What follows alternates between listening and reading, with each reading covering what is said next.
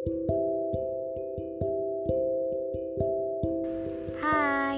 buat kamu yang lagi mikirin banyak hal malam ini Udah yuk, tidur, istirahat. Aku tahu kamu pasti capek kan? Mungkin udah berhari-hari kamu mikirin hal yang sama Dan belum nemuin jalan keluarnya. Udah gak apa-apa. Sekarang tidur dulu ya Besok kita pikirin lagi Siapa tahu besok udah membaik semuanya.